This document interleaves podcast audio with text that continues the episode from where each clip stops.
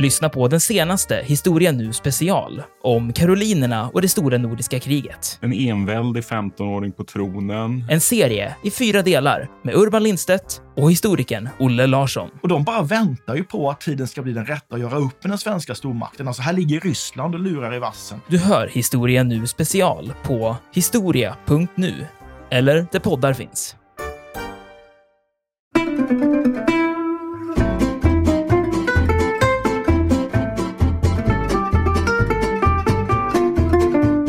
Finns ju den här berömda brittiska nyhetsbyrån Reuters.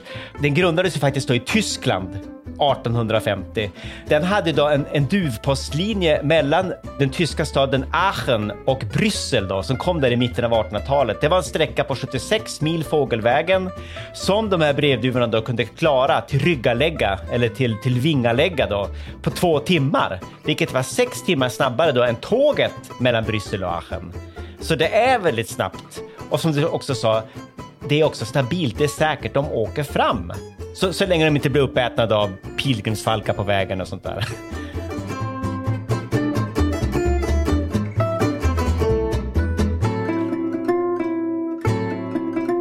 Podden En oväntad historia utgår från en liten händelse för att med glimten i ögat berätta den stora historien.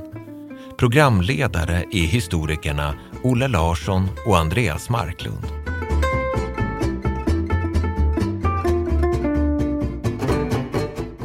Hallå där Olle! Hallå Andreas! Hur står det till? Det är alldeles utmärkt denna vackra höstdag. Ja, verkligen. Det är en jättehärlig dag och jag hoppas att du sitter tryggt och säkert i stolen. För idag kommer vi att borra oss ner i ett, eh, ett ganska ovanligt historiskt ämne som både kommer att tvingas upp i luften och reflektera över förhållandet mellan människa och djur. Vad säger du om det? Det är jättebra. Eh, Eh, och en logisk följdfråga här naturligtvis, på rak arm Olle. Eh, har du något historiskt favoritdjur och eh, kan man ha ett sånt överhuvudtaget? Ja, det där var ju en, en onekligen oväntad fråga. Jag har inte riktigt tänkt på mina historiska favoritdjur, men så här spontant. Den första, det första historiska djur som jag kommer att tänka på, det är ju Karl XIIs hund Pompe. Ja, Pompe, kungens trogne dräng som var natt sov i herrens säng och så vidare. Och sen dog han vid kungens fötter och sådär. Så jag skulle nog säga att det, är nog, det är nog hundar och det är Pompe. Och när jag tän- tänker på historiska hundar så tänker jag också på Hitler och Hitlers hund Blondie, chefen. just det. Den där stackars chefen. Men även fiktiva hundar som dök upp i ens barndom som Colin Lassie, eh, Sankt Bernhardshunden Båtsman i Saltkråkan. Men jag skulle säga att det är, det är hundar i så fall. Och, Tintins Milou, inte minst. Absolut, Milou. Eh, härligt, så det är historiska hundar. Ja, intressant Olle. Du är alltså en hundvän. Ja. Eh, jag då är ju gammal rollspelare som du vet, så jag, jag har en passion då för så här legendariska djur och bestar. Alltså djur som då med all sannolikhet aldrig har existerat, men som man ändå har trott på och som därför kanske ändå då har varit med och påverkat skeenden, påverkat historien på olika sätt eftersom folk har agerat som om de hade funnits. Alltså jag slukar ju allt sånt här med hull och hår. Jag gillar drakar, basilisker, sirener, mantikoror och så vidare. Gärna sådana här uppstoppade falsarier eh, av det slag som man då brukade kunna hitta i varje furstlig wunderkammer värd namnet. Jag gillar det här ordet basilisk. Basilisk, Ja. de, det är jättehärligt. Karl IX kallade sin politiska motståndare Hågenskild Bje- Hågenskild Bjelke för den gamle basilisken. Och det var, Var ju ingen här- komplimang. Eh, Var det något så här tupp eller reptilliknande över vederbörande? Är det, eller är det mer än det blicken? Ja, Basilisken jag ska ju tror ha en att det var förstelnande ett blick. sätt att beskriva någonting som var mycket, mycket, mycket obehagligt. Till exempel Ja. en politisk motståndare. Obehagligt är inte särskilt vackert. Nej. Eh, jag vet inte, har, har du hört talas om skvadern? Nej, aldrig. Eh, eh, det, det är så här bevingad hare från Medelpad som ska ha varit en korsning mellan en vanlig fälthare och en tjäder. Jag kan prata mer om det en annan gång. jag känner att jag strayar from the path om jag går för djupt ner i det. Men ah, det, det befinner sig högt på min lista i alla fall. Min favorit då, om jag då tvingas tvingas peka ut ett specifikt exemplar bland de mina historiska favoritdjur, det är den här äh, uppstoppade hydran som de här svenska karolinska officeren äh, Jakob Axel Strell von Holstein ska ha haft i sin ägo och skrytit med när han reste omkring i norra Tyskland efter stora nordiska kriget. Det var ju den då som den här äh, dansk-norska sjöhjälten Peter Tordenskjöld eh, han, han lär ha uttalat sig ganska skeptiskt och en smula hånfullt om det här djuret. Och enligt vissa hypoteser var ju det själva upprinnelsen till det här slagsmålet som senare resulterade i den duell utanför Hannover där Tordenskjöld mötte sitt, sitt öde. Det har vi poddat om tidigare.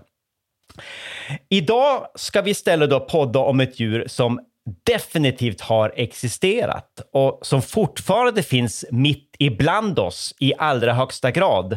Vissa kanske då skulle säga på gott och ont, för det vi ska prata om idag är duvan, eller närmare bestämt då brevduvan. Brevduvornas historia, jättespännande ämne. Det är våra bevingade vänner, skulle jag vilja påstå, som mer än en gång i historien har räddat oss ur knepiga situationer och som faktiskt också har varit med och påverkat faktiska skeenden och historiska händelser, kanske till och med historiska processer.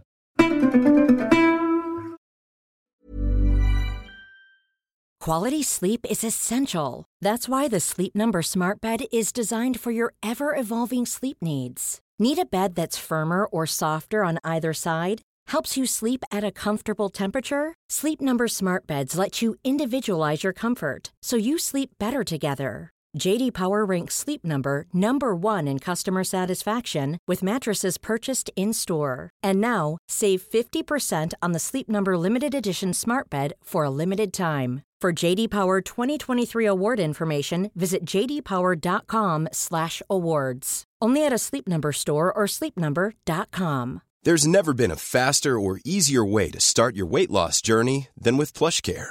PlushCare accepts most insurance plans and gives you online access to board-certified physicians who can prescribe FDA-approved weight loss medications like Wigovi and Zepbound for those who qualify. Take charge of your health and speak with a board-certified physician about a weight loss plan that's right for you. Get started today at plushcare.com slash weight loss. That's plushcare.com slash weight loss. plushcare.com slash weight loss. One size fits all seems like a good idea for clothes until you try them on. Same goes for healthcare. That's why United Healthcare offers flexible, budget friendly coverage for medical, vision, dental, and more. Learn more at uh1.com.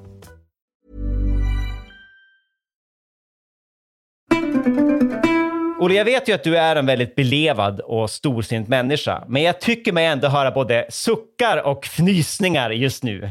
Jag vet inte om de kommer från dig, våra lyssnare eller från mitt eget inre, men jag garanterar, det här är både spännande och viktigt, det här ämnet. Är, är du med? Show me! Okej, okay, jag, jag, ska försöka bevisa det här för dig nu. Jag tar dig med till eh, en plats som kallas för Argonnerna. Det är ett skogigt bergsområde i nordöstra Frankrike, väldigt nära den belgiska, belgiska gränsen. Lite längre söderut då än Ardennerna, som man då ganska lätt kan blanda, det här ihop, blanda ihop det här med. Dagens datum är den 4 oktober 1918. Så tidsmässigt befinner vi oss då under den sista fasen av första världskriget, i alla fall då på västfronten. Första världskriget var ju väldigt mycket rörigare och klart mer långdraget på östfronten. Men på västfronten är det bara en månad kvar till vapenstilleståndet när vi tittar förbi i den här ögonblicksbilden i Argonnerna. Vi ser en grupp desperata amerikanska soldater, några hundra stycken som har tagit skydd i en skogsravin vid foten av ett mindre berg. De, är bakom, de befinner sig bakom de tyska linjerna och de befinner sig dessutom då i ett synnerligen trängt läge. För de är på alla sidor då omringade av tyska soldater. De har närmast slut på mat och ammunition och de är fullständigt avskurna från alla former av kommunikation med omvärlden.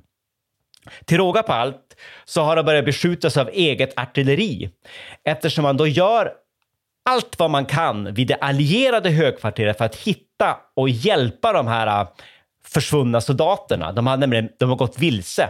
Man vet inte var de befinner sig dock, så de allierades kanoner har riktats rakt mot den plats, mot den här ravinen, där de här försvunna soldaterna, denna så kallade Lost Battalion, befinner sig. Och det här med Lost Battalion, det är ju närmast ett legendariskt begrepp idag. Det har gjorts filmer och böcker det har gjorts skräckfilmer till och med om den här enheten. Men det här är då verklighetens utgåva som alltså började kallas för den förlorade bataljonen, the lost battalion, redan då i dåtidens krigsreportage, medan man fortfarande letade efter de här soldaterna. I alla fall, Den förlorade bataljonen är nu i desperat behov av hjälp. Men varken fälttelefon, fältradio eller den klassiska kabelbaserade fälttelegrafen kan användas här ute i skogen bakom fiendens linjer. Så vad gör man? Jo, bataljonschefen, som då är en, en ung man vid namn major Charles Whittlesey, han beordrar sin signalofficer att skicka iväg brevduvorna. Sex stycken har de med sig i ett bärbart duvslag. Förmodligen då av den typ som kan bäras som ryggsäck. Jag har sett flera sådana eh, från den här tiden med egna ögon. De första fem fåglarna skjuts ihjäl av tyskarna, så det är ett väldigt tungt ansvar som vilar då på den sjätte och sista duvan som på majorens order släpps iväg klockan tre på eftermiddagen den 4 oktober 1918. Men den här duvan, den är en riktig krigsveteran. Den har tidigare tjänstgjort då vid Verdun. Det är ett berömt slag som utkämpas där under första världskriget. Och då har den då med framgång, den här duvan, transporterat 11 eller kanske till och med 12 väldigt viktiga meddelanden. Alltså uppgifterna går lite isär här. Men den har i alla fall gjort det här, utfört dessa kuriruppdrag med stjärtfjädrarna i behåll. Och därför har den också fått smeknamnet Cher Ami, den här duvan, alltså kära vän på franska. Men det börjar ganska dåligt den här dagen. Cher är tydligt skärrad och desorienterad på grund av det infernaliska stridslarmet där ute i argonnerna. Så den flyger och sätter sig på en gren, helt sonika, mitt i kulregnet. Kro, kro, kro. Men de här amerikanska soldaterna, de lyckas i alla fall få väg det när man kastar sten och grus och kvistar mot det här trädet. Fast sen då, när duvan då väl har lättat och satt iväg mellan trädstammarna på väg mot någonstans mot horisonten, så skjuts den av tyskarna både i bröstet och i benet. Ändå tar den sig fram då till sitt utslag i högkvarteret på mindre än en timme.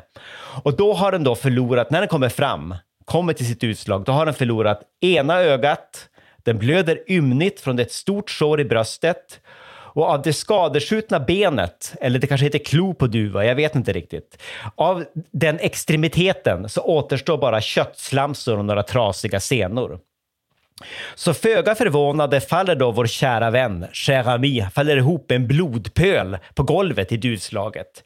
Men i en liten kapsel då som man har fäst, man har fäst vid en av eh, klorna, ett av benen. Jag vet inte om det är det friska eller det söndertrasade benet. Så finner man det koncisa lilla meddelande som majoren hade krafsat ihop en knapp timme tidigare. Och nu, nu simultanöversätter jag. Vi är vid vägen som går parallellt med 276.4, alltså någon slags positionsangivelse. Vårt eget artilleri har börjat beskjuta oss. För himlens skull, upphör genast med detta. Slutcitat.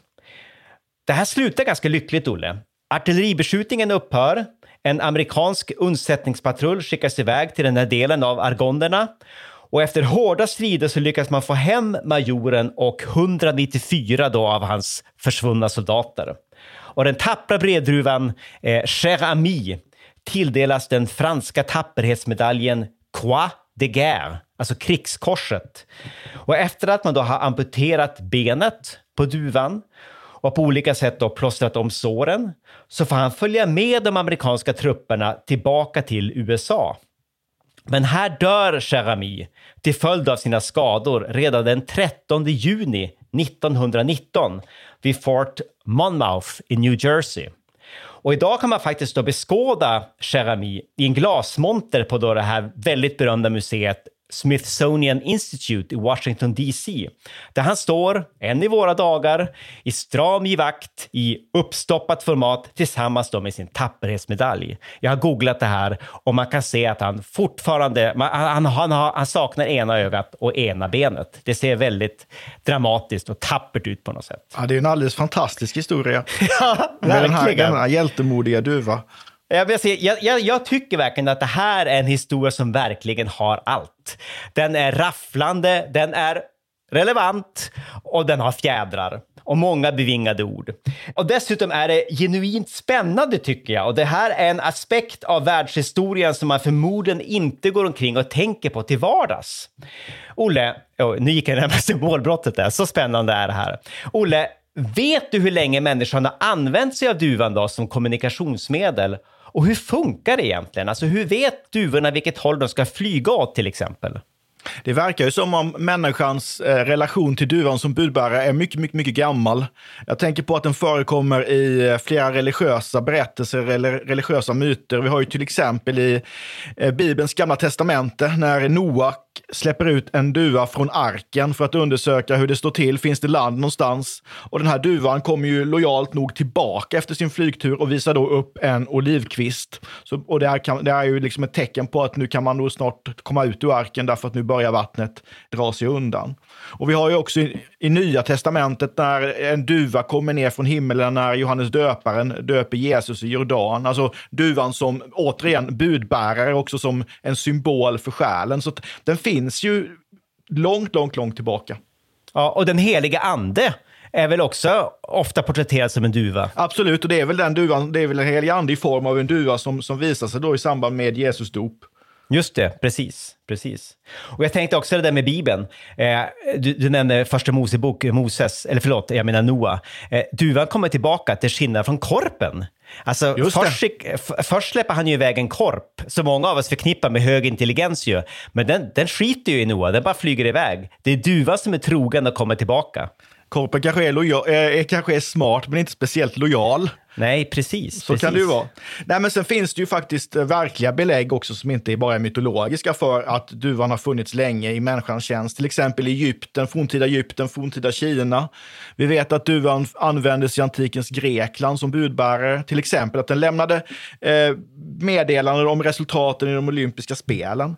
Och att de också sen då användes i Rom, både liksom i, eh, i politiskt och militärt syfte och även i kommersiellt syfte där man hade duvor duvor ombord på fartyg som kunde flyga liksom med meddelanden att nu kommer vi snart eh, in i hamnen och vi har med oss följande varor. Så fram med plånböckerna, gör er redo, här ska, ni, här ska det konsumeras. Så de har ju funnits oerhört länge. Och inte minst då i den, också i den romerska krigsmakten där den kände Julius Caesar verkar ha byggt upp ett system då med, med brevduvebaser i Gallien där duvorna flög emellan och lämnade då eh, order helt enkelt för att ja, knyta ihop de här utspridda förbanden. Så att det är ett oerhört effektivt system. Ja, otroligt avancerat faktiskt. Ja, de är ju poppis också. De, alltså de får blir, vad ska man säga, på, på medeltiden så hade man ju, alltså duvan, äh, vindhunden var ju en statussymbol hos riddare. Men i Rom var det ju duvan, alltså folk, rika romare satsade ju enorma summor på att visa upp praktfulla duvslag, alltså i, förmodligen i marmor. La stora summor pengar på att köpa in jättedyra fåglar, alltså för att visa upp. Så det är ju en status, det kan man ju inte tro idag att duvan är en statussymbol, men det var det alltså i, i antikens Rom. Ja, precis. Det skriver ju Plinius, Plinius den äldre om. Just det. Alltså, han menar att eh, förmögna romare betalar hundratals silvermynt, sådana här denarer, för att få tag på de finaste fåglarna då, med de finaste stamtavlorna. Och då bygger sådana enorma påkostade och pråliga så här, duslag då på sina hus på hustaken. Men det är helt klart, jag tycker det är otroligt fascinerande det här. Många av de här äh, mer avancerade duvpostsystemen sen då under, under medeltiden, de hade man ju då i den muslimska världen som jag har förstått saken, alltså i medeltidens muslimska imperier. Till exempel så fanns det då en fast brevduveförbindelse mellan Kairo och Damaskus som då upprätthölls då av sultanen i Egypten. Och här finns det då uppgifter om att meddelanden som skickades iväg då mellan Kairo och Damaskus, de tog aldrig längre tid än fyra dagar på sig att komma fram. Så det här var ju snabbt. Ja, det är ju alldeles fantastiskt. Och sen är det ju roligt att man kan lita på dem. Ja, ja, verkligen. Men alltså hur funkar det då? Varför kan vi lita på dem och hur hittar de fram? Ja, men det är väl egentligen två saker som gör att duvorna är, är synnerligen lämpade som, som, som budbärare. Det ena är ju att de har ett, jag ska inte kalla det för lokalsinne, jag var nära att säga lokalsinne, men det menar jag inte. De har ett väldigt utvecklat navigeringssystem, det är nog bättre. Det ja. verkar ju nästan som de har slags, att de föds med någon slags inbyggda GPSer som gör att de hittar mellan olika platser. Det är ju det ena. Och det andra är just att de är lojala sociala, eller de, alla, de har i alla fall hemlängtan. Och hemmet är ju liksom där man, har, där man är van att vara, där man är van att få mat och hit återvänder de gärna. Och det här gör ju att det här blir någon slags garant för att ger man duvan mat, tar hand om den, så kommer den komma tillbaka. Och det är ju hela det hela brevduvesystemet bygger på. Den, den är lojal lite grann mot sitt upphov, kanske man kan säga. Då. För den, den flyger hem till käket, till Ja. den han som har gett den mat. Och det är ju nästan en smula rörande, är det Ja, inte det? det är som man tänker lite grann på Heidenstam. Jag längtar stenarna där barn jag lekt. Jag längtar Ja. duvslaget där mat jag fått. Kanske Ja, Heidenstam precis, skulle ha diktat om han var duva. Ex, exakt så, exakt så. Och när den då ska hem till käket så betyder det här med avstånd, som jag har förstått saken, inte speciellt mycket. Alltså i alla fall inte för de här riktigt vältränade exemplaren.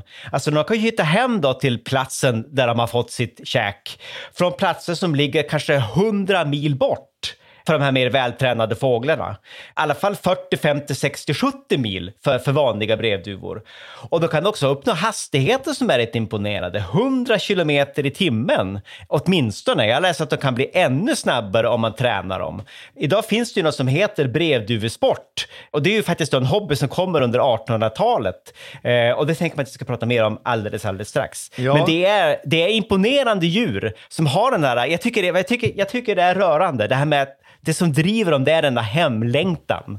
Och när man hör detta med, med hemlängtan och framförallt man hör liksom de kommer tillbaka, breven kommer fram, det går snabbt. Det är ju inte utan att man längtar tillbaka till brevduvetiden lite grann i alla fall. Ja, ja, ja, ja precis. precis. Men Det vi här kan ju återkomma till det kanske Här med... finns, mycket, ja, här finns mycket att lära och mycket, Absolut, mycket inspiration att hämta.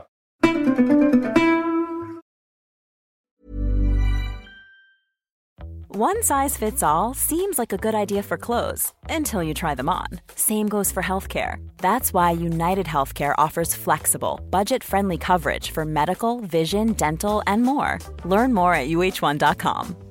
Quality sleep is essential. That's why the Sleep Number Smart Bed is designed for your ever evolving sleep needs. Need a bed that's firmer or softer on either side? Helps you sleep at a comfortable temperature? Sleep Number Smart Beds let you individualize your comfort so you sleep better together. JD Power ranks Sleep Number number 1 in customer satisfaction with mattresses purchased in-store. And now, save 50% on the Sleep Number limited edition Smart Bed for a limited time. For JD Power 2023 award information, visit jdpower.com/awards. Only at a Sleep Number store or sleepnumber.com. Millions of people have lost weight with personalized plans from Noom, like Evan, who can't stand salads and still lost 50 pounds. Salads, generally, for most people, are the easy button, right? For me, that wasn't an option.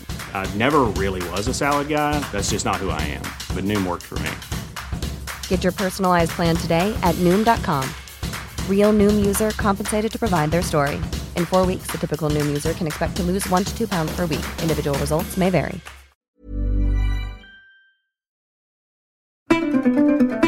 Då har vi konstaterat att brevduvan är en, eh, en urgammal följeslagare kan vi väl säga. Alltså kanske en av de allra äldsta. Tillsammans då med, med hunden och oxen och grisen, geten och så vidare. Men något av det som gör då brevduvans historia, det här var jag inne på alldeles nyss lite grann, då, något av det som gör det här så himla intressant, det är att det här är inte bara ett urgammalt kommunikationsmedel, utan brevduvans guldålder den infaller faktiskt ganska sent i historien. Och det här storskaliga användandet av brevduvor som militärt kommunikationsmedel, det är faktiskt ett ja, rent ut modernt fenomen. Jag, jag, vet inte om du håller med mig om det. Jag hoppas att du håller med, håller med mig om det. För nu tänkte jag fråga dig om vad är det som gör att brevduvan blir då en integrerad del av den moderna historien, inte minst då Europas moderna historia. Jag känner ju mer vi pratar, desto mer engagerad blir jag själv i det här med brevduvor. Jag tycker det här är alldeles fantastiskt. Och det är ju rätt så roligt då att brevduvans höjdpunkt är ju alltså andra halvan av 1800-talet. Alltså en period som vi nästan på alltid associerar med någon slags, alltså det, modernas födelse med ny teknik och nya kommunikationsmöjligheter. Och, och så är det ju också. Det här är ju, det här är ju där de nya medierna utvecklas och framförallt dagstidningarna får större spridning. Nyhetsförmedling går snabbare tack vare eh, telegrafer. Men det är ju så alltså, det tar ju ett tag innan telegrafsystemen är utbyggda och når alla platser. Och här blir ju så att säga brevduvornas roll ett sätt att lösa detta, täppa till de här hålen som finns i telegrafsystemen. Och de är ju som sagt var snabba, alltså de, det, går ju oerhört snabbt att förmedla nyheter på det här sättet. Mm. Snabbt och stabilt och effektivt. Ja. Det, det, ganska, det finns ju den här berömda brittiska nyhetsbyrån Reuters. Den grundades ju faktiskt då i Tyskland 1850. Den hade då en, en duvpostlinje mellan den tyska staden Aachen och Bryssel då, som kom där i mitten av 1800-talet. Det var en sträcka på 76 mil fågelvägen som de här brevduvorna då kunde klara till ryggalägga eller till, till vingalägga då på två timmar, vilket var sex timmar snabbare då än tåget mellan Bryssel och Aachen. Så det är väldigt snabbt. Och som du också sa, det är också stabilt, det är säkert, de åker fram. Så, så länge de inte blir uppätna av pilgrimsfalkar på vägen och sånt där. Precis. Och det är ju det är nu också man ser hur duvorna blir. Alltså de är ju väldigt viktiga under fransk-tyska kriget, alltså 1870-71, ja, eller fransk-preussiska kriget kanske man snarare ska säga. Men det är alltså, eh, tyskarna belägrar ju Paris under hösten 1870, alltså det är ju en innesluten stad. Och hur ska man då bära sig åt för att få ut information och för att få in information och få veta vad, hur liksom läget ligger ute i landet? Jo, svaret är ju brevduvor. Och det tycker jag är så himla häftigt att man då föder upp duvorna, har dem i duvslag i Paris.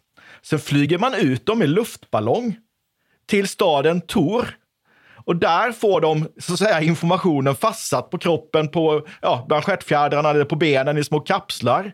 Och sen så släpper man ut dem och då har de hemlängtan till Paris. Och då flyger de hem till Paris med den här nya informationen. Jag tycker det är alldeles fantastiskt. Vilken lysande idé! Det är alldeles utmärkt. Det är strålande. Flyger de tillbaka, får sitt käk och avlämnar rapport så att säga. Och det som är så himla fantastiskt med det där, tycker jag då, det är att det här är ju verkligen då en urgammal vad ska man säga, lågteknologisk kommunikationslösning. Men den kombineras ju med, med sin tids high-tech, sin tids högteknologi. Alltså du nämnde luftballongerna naturligtvis. Men sen var också, använde man också, man använde sig av mikrofilm och mikrokameror. För fransmännen hade redan på den här tiden börjat experimentera med det.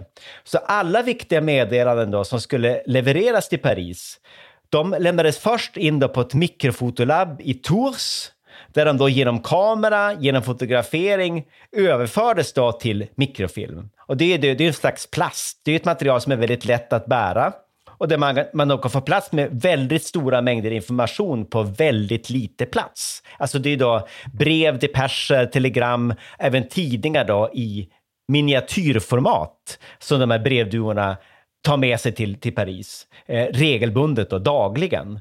Och då på den mottagande sidan då, i Paris, där hade man en slags mikrofilmsläsare som baserades på sån här kamera obscura-teknik som gjorde att man kunde förstora texten genom att liksom lysa upp den på en vägg de här väldigt små meddelandena och så satt då folk och skrev ner då för hand. Sekreterare skrev ner för hand vad det var de innehöll, de här mikrofilmsdepescherna.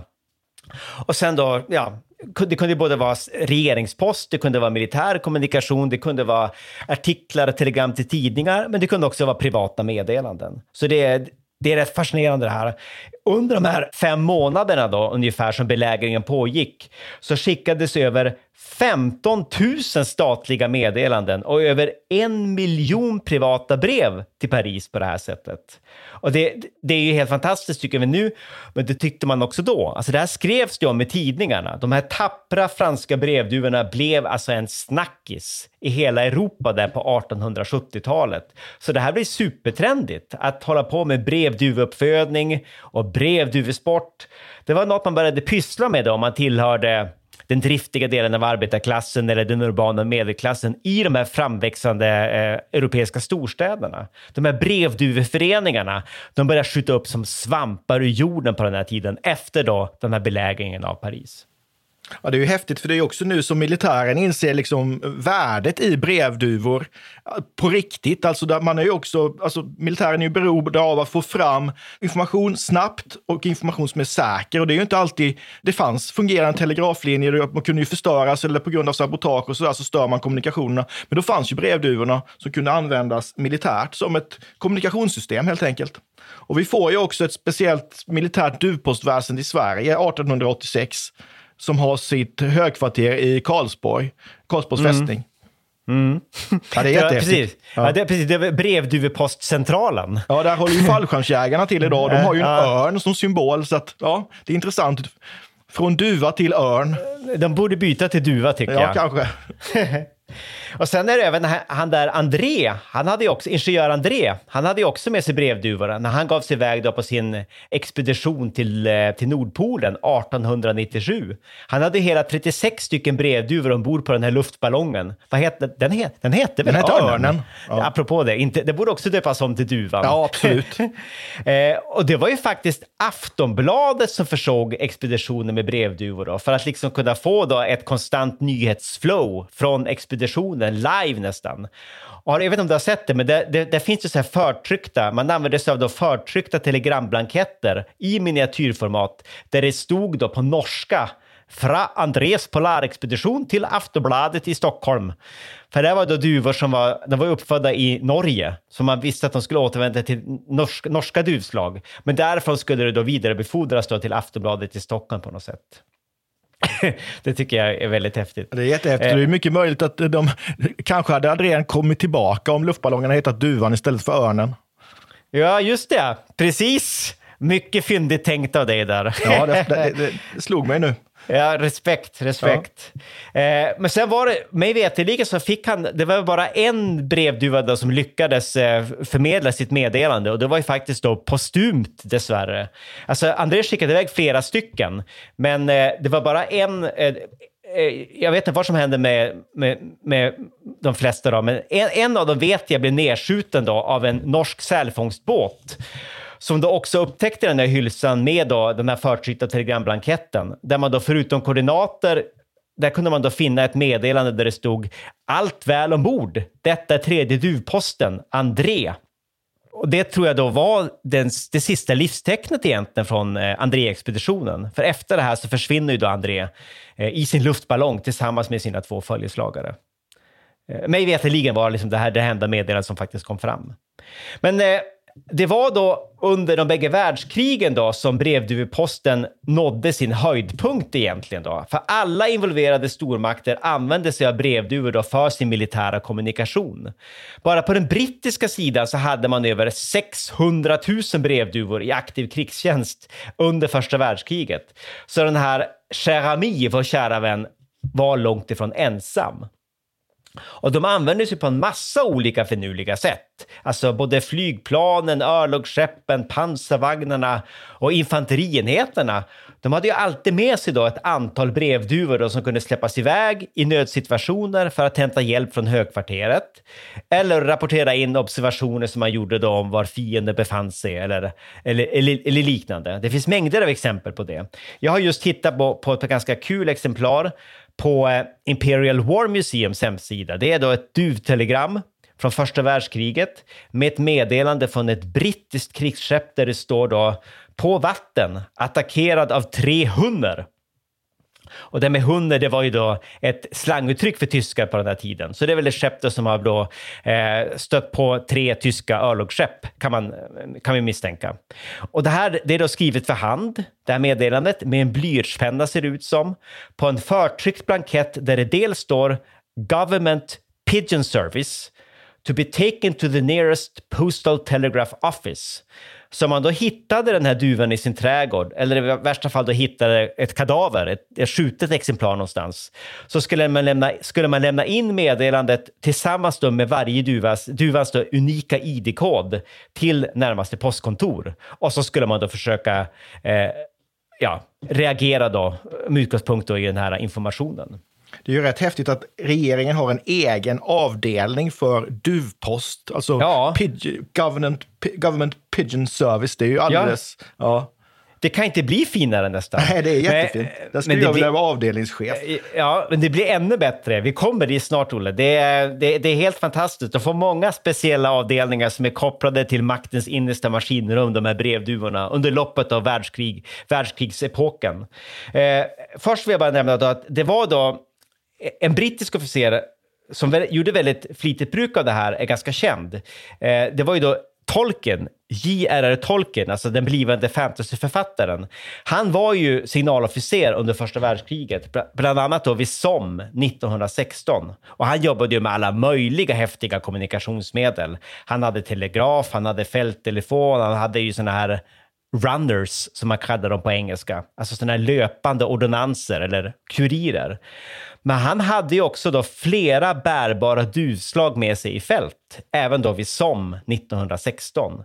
Och jag vet att det här var något av det som traumatiserade honom och bidrog till att forma hans visioner av Mordor, alltså ondskans rike, och de tappra små hobbitarna som var på väg genom ondskans rike. För signaltrupperna befann sig ofta just i stridens hetta. Alltså de skulle ju ut där i no man's land, ingenmansland, och reparera telefonledningar, springa med meddelanden då mellan skyttegravarna eller helt enkelt få fram sina brevduvekorgar på platser där de behövdes.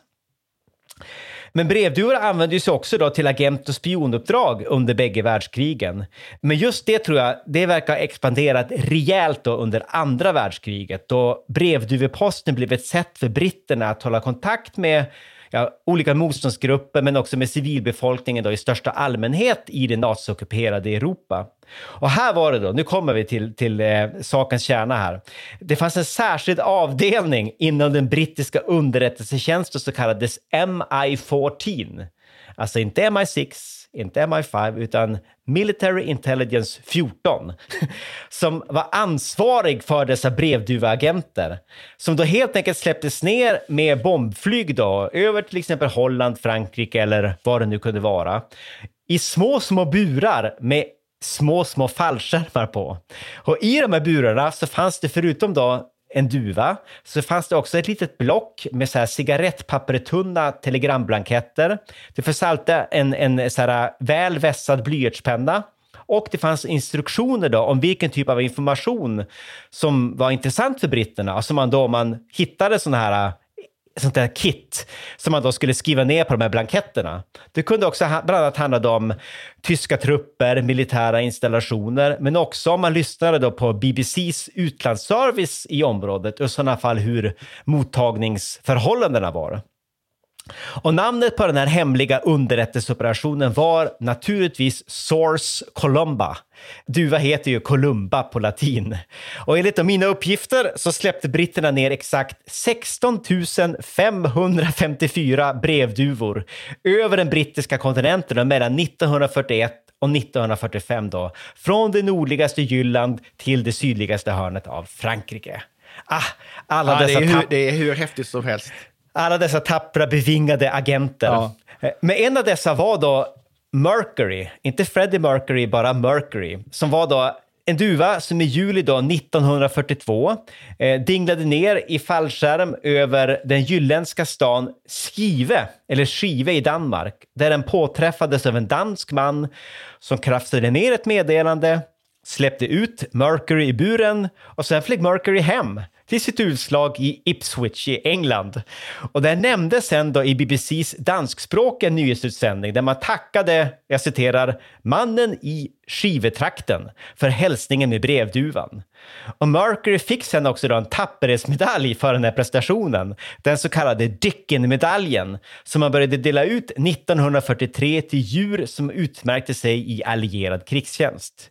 Jag har tittat lite grann på det och jag tror det är, det är flest duvor som har fått den, över 30 stycken, men också några hästar, några hundar och en skeppskatt. Tränade man inte sälar också?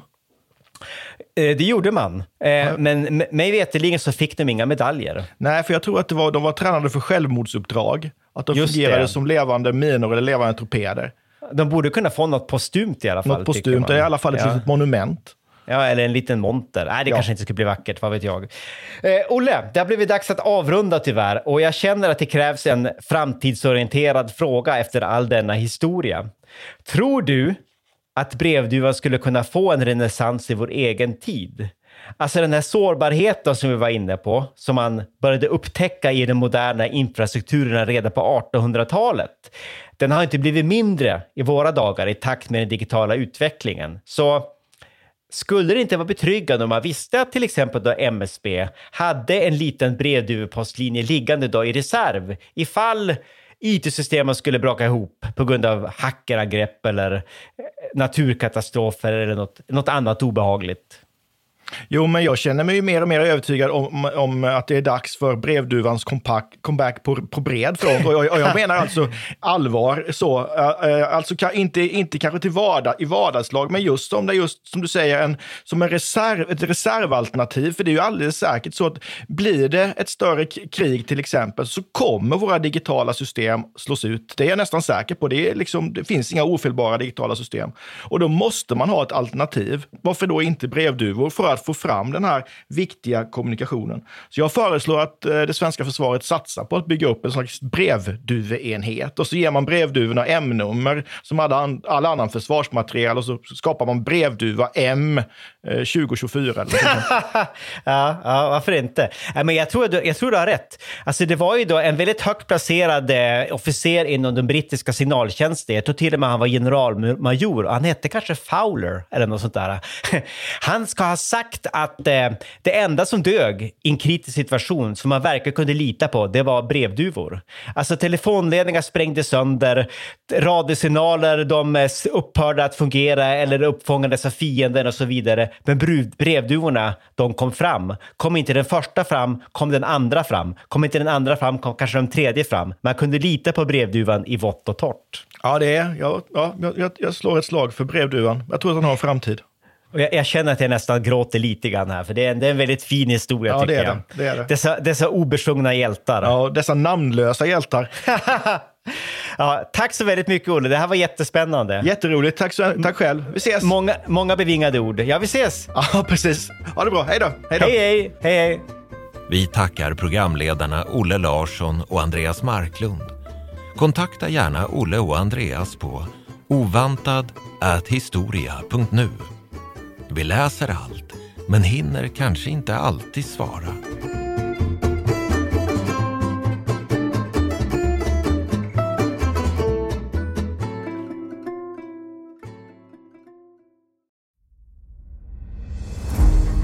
Jakob de la Gardie är den enda svenska fältherre som lett en armé till Moskva och trätt fram inför tsaren.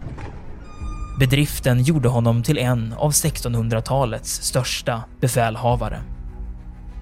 Moskvas erövrare är den första biografin över Jakob de la Gardie, en av stormaktstidens portalfigurer. Historikern Peter Ullgren följer hans stormiga bana från den föräldralösa barndomen vid 1500-talets slut till maktens topp och den mullrande statsbegravningen i Stockholm 1652. Moskvas erövrare är utgiven av förlaget Historiska Media. Ljudboken finns tillgänglig hos streamingtjänster som Bookbeat, Storytel och Nextory. Beställ den fysiska boken på förlagets hemsida historiskamedia.se eller köp den i en bokhandel nära dig.